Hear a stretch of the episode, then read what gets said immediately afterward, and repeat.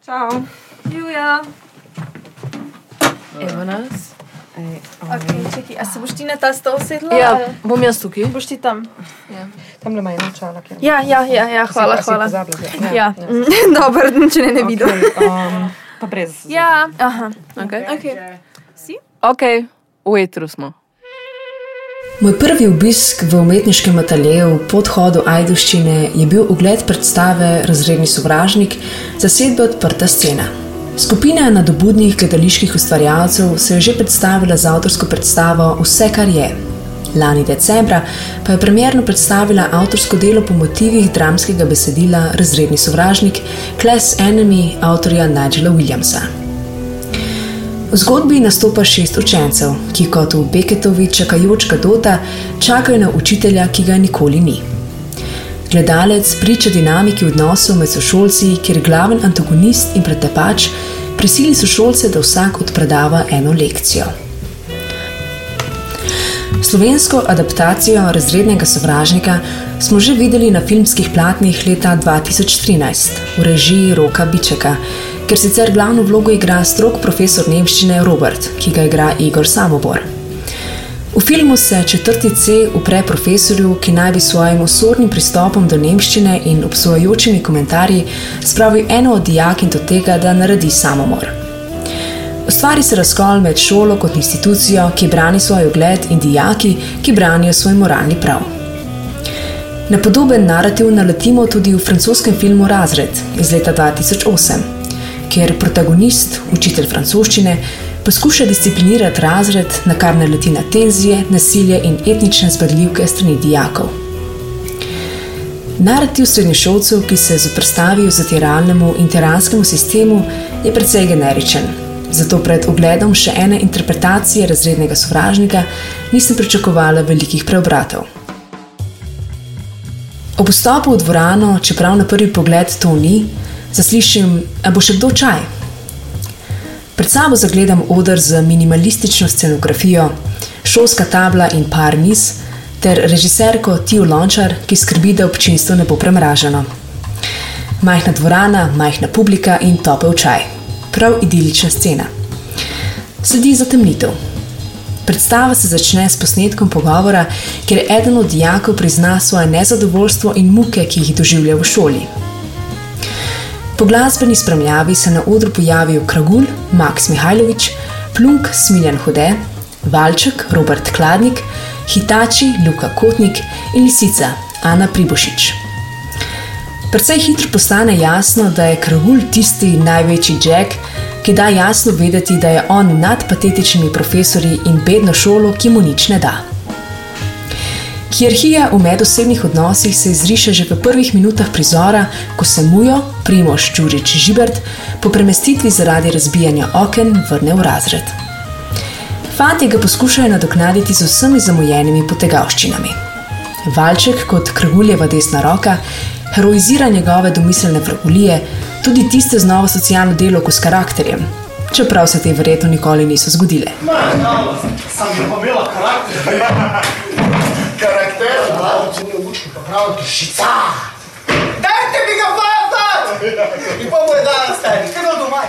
Hkrati pa živi v prepričanju, da so udarci in zbadljivke usmerjeni proti njemu le odraz prijateljstva med njim in kraguljem. Hitači, kar v urbanem slengu pomeni spolna igračka, že samo po sebi pove, da je predvsem za kragulja razredna igračka, preko katere lahko z nočevanjem manifestira svojo maskulinost. V desnem kotu pa se z umestnimi pripombami oglaša plunk. Lik je reprezentacija Vladimirja iz čakajočega Dota in proti utež Kragulju, ki v tem kontekstu pooseblja impulzivnega in pesimističnega Istragona. Plunk, tako kot Vladimir, predstavlja intelektualca, glas racija in optimizma, ki pregovarja Istragona, Kragulja, da morda bo vselej eden od profesorjev danes prišel v učilnico. Po premisleku, kaj vse bi lahko ušpičili, Kragulj predlaga, da vsak izmed njih odpredava en predmet, se na koncu dneva bolje, da ostanejo v šoli, kot da gredo domov. Prva implikacija, ki gledalcem sporoča, da dijaki ne prihajajo iz socialno idealnih okoliščin. Hitači se loti predavanja vrtnarjenja, ki se začne z zgodbo njegovega očeta, njegovih rož in ločitve z materjo. Spoznamo, da bolj kot vrtnarjenje, hitači občuduje preprostost in lepoto rož, ki simbolizirajo upanje za boljše življenje, ki se ga oklepa tudi sam, tako kot njegov oče.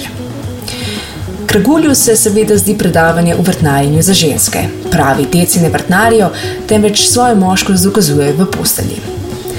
Predavanje v spolni vzgoji predava Alčeku, ki v vsej svoji plašnosti pred krguljem komaj stoji pred tablo, na kar se izkaže, da mu je tema bolj tuja, kot sam razglaša.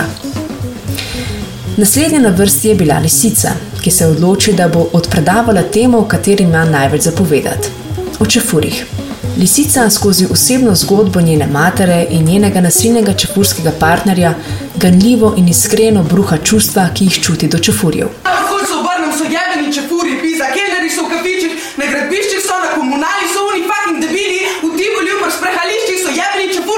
Tle je njihovo vseprisotnost v parkih, na trolah, v šolah, na ulicah, ter njihovo brezbrižnost in skipljivost. Pravi, da so vsi isti, vključno s Kragujem in Mujotom. Mujo, čefur, katerega osebnost je razbijanje oken, se odloči, da bo svoje veščine podelil sošolci. Kaj je razlika med dvojnim in trojnim steklom? Eno se teže razbije kot drugo.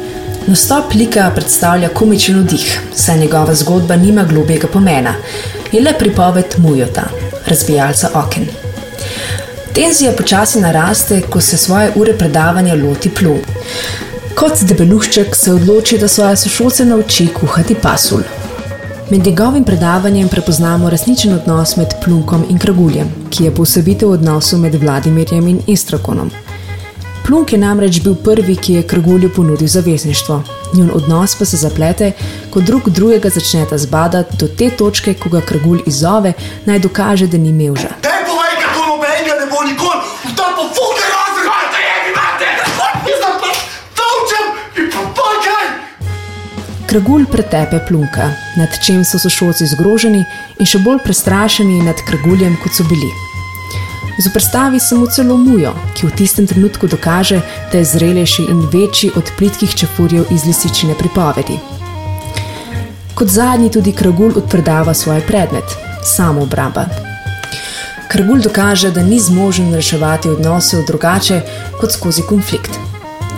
Kot impulziven, razbijaški in dominanten je lik Kragulja personifikacija razrednega sovražnika v dobesednem pomenu. Razredni sovražnik zasedbe Odprta scena se v socialno-ekonomski dimenziji bistveno razlikuje od izvirnika, kjer je pojem razredni sovražnik vezan predvsem na boj nižjega razreda proti bogatim. Čeprav v predstavi prepoznamo, da gre za socialno ogrožene in etnično diskriminirane, ni prepoznati kolektivnega boja proti družbeni segregaciji. Razred se bori proti kragulju z izražanjem šibkosti in emocionalne zrelosti, tega, česar sam ni zmožen. Kragulj pa se kot iracionalen upornik bori za lastno integriteto in proti nečemu, kar ga sili v to, da se spremeni. Bodi si gre za šolski sistem ali prijatelje. Izjemno talentirana igralska zasedba suvereno in prepričljivo odigra kompleksne, na trenutke toksične odnose, ki so v marsikaterem srednješolskem razredu stalnica. Čeprav gre za zelo očitno stereotipizacijo čefurjev in najstnikov, je primeren pristop za namene izvedbe lokalne adaptacije britanske klasike. Predstava je refleksivna, saj nas upominja na razmerje moči v slovenski družbi in na njihovo samoumevnost, ki se kaže na vsakodnevni ravni, čemu pa se lahko, tako kot srednješolci, opremo zdravim razumom in občutkom do sočloveka. V tem kontekstu bi zaključila ta komentar s citatom: Smo svobodnejši, kot mislimo. Vsaj tako pravi francoski filozof Michel Foucault. Moja punca eter dela na radio eter in ko gre v eter, imam feeling, kot da sem padla v random eter, ker se spomni na njeno eterično olje.